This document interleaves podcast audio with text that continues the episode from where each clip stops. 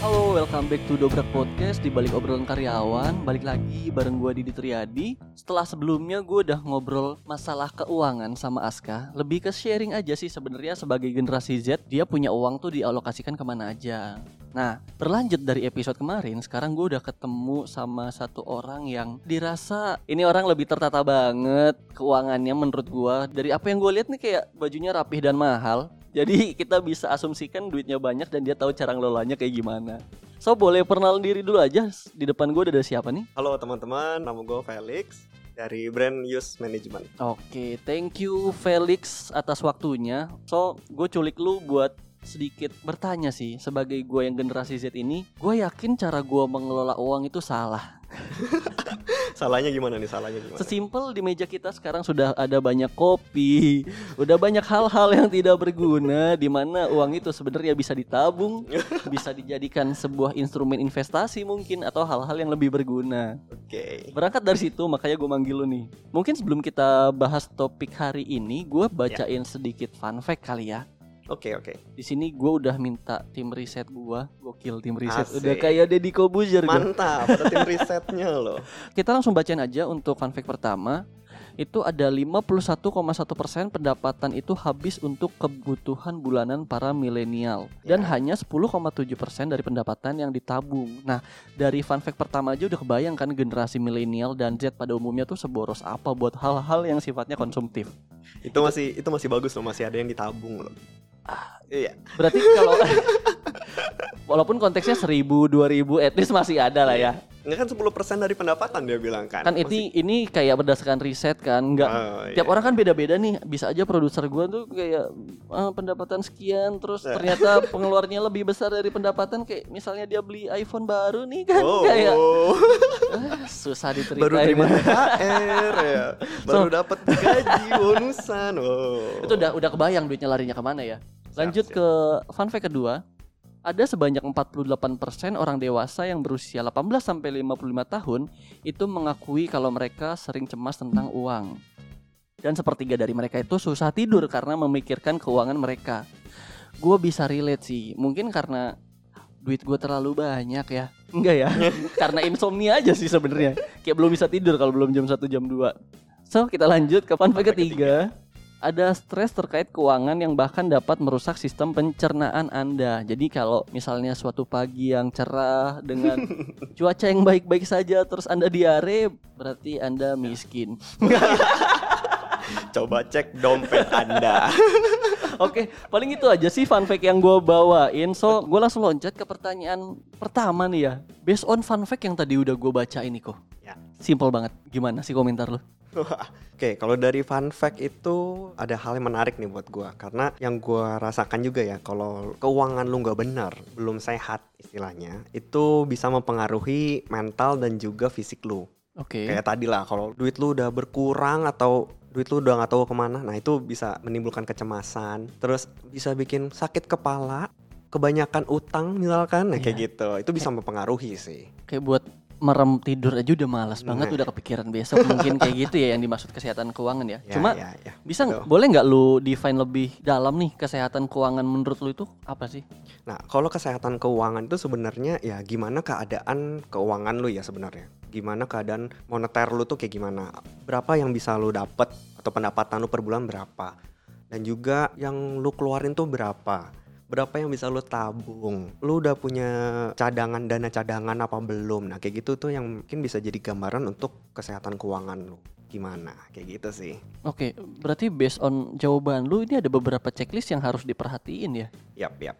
Betul. Sorry nih gua agak agak agak bawel banget karena sebagai generasi Z yang tidak tahu uangku hilang ke mana. Gua butuh hal-hal seperti ini nih. Boleh nggak lu jelasin lebih detail lagi kayak checklist-checklist yang lu sebutin itu apa aja sih? Oke, kalau checklistnya itu sebenarnya kalau dari gue ya, gue itu ada 5 checklist eh, yang menandakan keuangan lu itu udah sehat atau belum. Pertama, lu udah punya pendapatan tiap bulan untuk memenuhi kebutuhan pokok lu.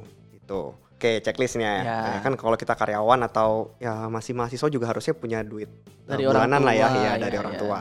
Gitu. Nah, yang kedua, lu udah punya namanya anggaran pengeluaran. Budgeting lah istilahnya. budgeting untuk pengeluaran lu sebulan, duit yang lu dapat itu bakal keluar ke mana aja. Tapi biasanya gue udah ngebudgetin tiap bulannya, cuma gue nggak tahu ini orang tagihan keluarnya dari mana ya. Kayak mungkin ini efek dari digitalisasi juga ya kayak gue pakai pay letter, gue pakai segala hal yang mensupport daily activities gue dan kadang itu nggak masuk ke anggaran gue sih. Jadi kadang suka kaget juga. Hmm. Tiba-tiba tagihan over limit. Iya. Iya, paling lucu tuh kalau gue lumayan sering download aplikasi untuk penunjang pekerjaan di App Store. Hmm, hmm. Oke. Kayak biasa tuh gue ngeliat kayak oke 99.000 ribu, oke 150.000 ribu. Hmm. Cuma kemarin begitu dikumpulin tagihan sebulan buat App Store satu juta sekian itu kan kayak Wow, lumayan menyayat dompet Iya. ya. Nah, sebenarnya cara menganggarkan yang paling baik itu kayak gimana sih? Oke, kalau dari gua sih penganggaran tuh nggak ada yang baik, nggak ada yang paling baik atau yang paling buruk misalnya kayak Mm. gitu ya. Itu tergantung dari kalian kebutuhannya apa. Mm.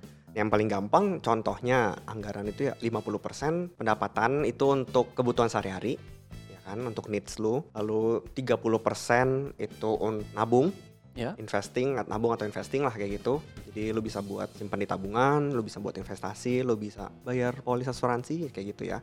Terus 20 persennya itu untuk ya play, playing, Entertain. entertain diri lu kayak gimana. Jadi 50 30 20 itu udah paling umum. Nah, itu buat penganggaran sih. Buat apa? Biar lu tahu duit itu akan keluar ke mana aja dan harapannya adalah dengan itu lu nggak over limit ya Iya. harusnya kayak gitu. Seperti apa yang saya rasakan sekarang? Oke, lanjut Itu. checkpoint selanjutnya ada Oke. apa aja sih? Yang ketiga itu lu punya namanya dana darurat. Hmm. dana darurat atau emergency fund lah ya bahasa Inggrisnya gitu Oke. bahasa kerennya. Hmm. Jadi dana darurat itu buat apa? Gini, gambarannya kalau misalkan di akhir bulan lu udah nggak pegang duit lagi misalkan atau udah udah tipis lah duit di tabungan udah tipis cuma bisa buat makan doang tapi ada kejadian darurat yang terjadi. Misalkan lu bawa motor misalkan ke kantor tiba-tiba motor lu rusak atau rantainya putus gitu di akhir bulan gimana lu udah nggak punya duit lagi ya itu lu bisa pakai dana darurat itu untuk memperbaiki motor lu Hmm. kayak gitu lu nggak harus pusing aduh gue harus cari duit di mana nih gue udah nggak punya tabungan lagi atau segala macam nah itu lu itu fungsinya si dana darurat Oke, berarti yang gua kutip adalah dana darurat adalah dana yang bisa lu gunakan saat emang lu sifatnya urgensi ya. ya Kayak misalnya nih sekarang akhir bulan nih. Gua pengen nonton konser kan ini urgensi Oh. menurut gua ya. Itu bisa gak sih dimasukin ke dana darurat?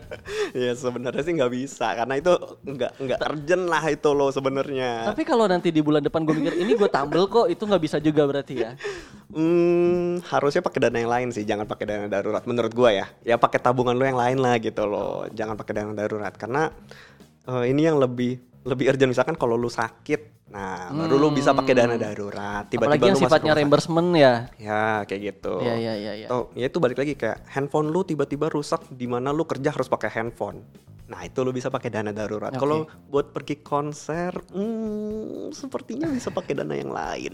Oke, kalau konteksnya tadi lu mention HP gue rusak, Ya. itu bisa pakai dana darurat karena emang gua kerja pakai handphone. handphone. Kalau konteksnya adalah gua mau upgrade HP, handphone gua baik-baik aja nih, Uh. bisa nggak pakai dana darurat? Ah, jangan dong. Itu itu juga bukan sifatnya darurat kalau kayak gitu kan. Karena sebenarnya kalau yang gue bilang darurat, darurat itu kalau lu nggak bisa hidup misalkan tanpa melakukan itu, Oh. itu loh. Opsinya adalah hidup atau mati Iya. gitu ya berarti ya. Bisa juga kayak gitu. Atau misalkan lu udah nggak bisa menunda-nunda lagi. Kalau beli handphone baru lu masih bisa nunda kak? Bisa nggak? Ya kalau lu lu tunda juga nggak masalah dong. Harusnya Iya, kayak iya, gitu iya. kan. Cuma untuk menjawab itu secara nalar benar, cuma pas jawabnya kok agak sulit ya. Nggak tahu kenapa. Nah itu sih. Jadi sebenarnya kalau yang gue bilang darurat itu adalah poinnya di situ. Oke. Kalau lu nggak udah nggak bisa menunda-nunda itu lagi, atau kalau lu nggak melakukan itu udah mengganggu kehidupan lu, kehidupan ya, Iya. bukan tanda kutip gaya hidup ya. Iya. itu dia. Iya, iya, iya. Nah itu dari situ sih. Oke oke noted. Oke. Ada lagi? Itu yang ketiga punya darurat tadi kan. Nah yang keempat itu lu bisa bayar utang dan lu punya persentase utang yang sehat. Oke. Nah, persentase utang yang sehat itu ya kalau gua belajarnya adalah 30 sampai 35%. Itu udah maksimal. Kenapa maksimal di 30 sampai 35%? Kalau kebanyakan lu akan pusing. Pusingnya secara psikologis, lu udah kerja capek-capek sebulan, Duitnya nggak lu rasain. lu udah terima oh ya, ya misalkan lu gajian nih lu terima 100% pendapatan lu tapi lu yang bisa lu pakai hanya 50%. Kalau misalkan itu lebih ya. Ya kan 50% lu harus bayar utang lu misalkan kayak Mm-mm. gitu. Itu akan ngaruh ke fisik dan mental lu menurut gua. Lu udah capek-capek kerja lu cuma bisa pakai 50 persennya dan balik lagi ke fisik lu juga ya lu pasti bakal aduh gue cuma bisa pakai segini nih capek nih misalkan gue udah capek-capek kerja kayak gitu sih Oh, balik jadi lagi. jadi bisa ngaruh ke produktivitas Ya, berarti ya. ngaruh ke sana dong Oh, mental kan. yang dimaksud Mental. tuh ke sana berarti ya. Yap. Oh, Yap. I see. Kayak gitu. Nah, yang terakhir, yang kelima itu ya lu udah bisa rajin nabung dan berinvestasi gitu. Hmm, Oke. Tadi kan udah nyebutin lima poinnya. Berarti kalau tadi gue udah bisa menceklis satu-satu, berarti kan secara keuangan gue udah sehat nih. Yap. Dan yang menarik adalah lu ngomong tadi gue bisa investasi. Itu gue bisa langsung loncat ke investasi atau ada hal-hal yang perlu gue pertimbangkan lagi kalau gue merasa keuangan gue udah sehat? Oke. Nah, ini kan kita ngomongin kesehatan keuangan ya Ya. kan. Nah, kalau mau investasi, sebenarnya ada satu poin lagi yang harus lu tambahin. Oke.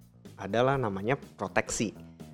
Ya, produknya adalah asuransi, asuransi jiwa, asuransi eh, kesehatan, asuransi penyakit kritis kayak gitu. Nah, kalau lu udah sehat dari keuangan ditambah dengan adanya proteksi, itu kita bisa bilang lu udah aman. Setelah itu baru investasi. Sebenarnya kita ngomonginnya ke sana Hmm, kayak gitu. Berarti sebenarnya sebelum lari ke tahap investasi itu banyak hal yang perlu dipertimbangkan ya. Iya, banyak hal yang harus lu siapin dulu. Kenapa? Karena nanti biar pada saat lu investasi clear. Lu udah nggak punya pusing-pusing di mana-mana lagi karena duit lu udah sehat dan lu udah aman. Oke. Gitu poinnya. Noted.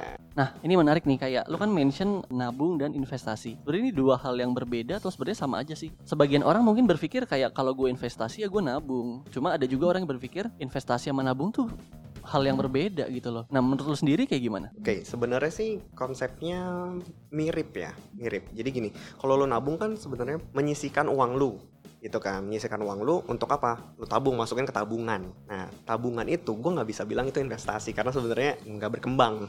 Ya berkembangnya kecil lah kalau lu di tabungan, di deposito. Oh, maksudnya di kayak di kalau lu nabung di tabungan doang itu kecil banget malah mungkin nggak berkembang kalah sama inflasi segala macam gitu kan. Bel- Belum biaya admin mungkin Iya, ya. belum ada potongan biaya iya, admin benar, kayak benar, benar. gitu. Nah itu kalau nabung, jadi lu taruh di tabungan. Kalau investasi itu lu taruh di instrumen-instrumen investasi Oke. dan harapannya adalah dia bisa berkembang lebih dari inflasi dong kayak gitu. Kalau misalkan kayak mungkin 4 tahun 5 tahun terakhir sebelum Covid, inflasi kita kan 4% sampai 5%. Ya anggaplah segitu gitu kan. Nah, kalau eh, lu investasi ya harapannya lu bisa mengembangkan dana yang udah lu taruh lebih dari inflasi dong kayak gitu. Kalau nabung ya lu cuma naruh di bank aja. Oke, kebayangnya adalah investasi itu sebuah metode untuk duit kita nggak nyusut, malah bertambah gitu lah ya. Nah ini jadi hal yang menarik nih. Cuma kayaknya kalau gue bahas tentang investasi tuh bakal jadi podcast yang panjang banget Oh, ya. bisa dua hari. Wah, ya. Mungkin bisa kita bahas cuma di episode yang berbeda ya. Oke. Thank you Ko Felix. Oke. Kayaknya untuk episode pertama ini gua sudahin sampai sini aja karena biar teman-teman at least kegambar dulu aja. Sebenarnya cara mengatur duit lu biar sehat itu seperti apa, biar nyaman seperti apa. So, Siap. Oke. untuk oke. konten lanjutannya kita bakal balik lagi sama Felix juga. Jadi jangan lupa untuk terus stay tune Dobrak Podcast teman-teman bisa kalian dengerin di Spotify dan jangan lupa juga untuk cek selalu Instagram kita di @ACC karena segala informasi terkait rekrutmen, informasi karir maupun podcast nanti bakal disebarin di situ. So, sekian dari gua, gua Didi Triadi. dan gue Felix. Sampai ketemu di episode selanjutnya. Bye. Bye bye. Thank you.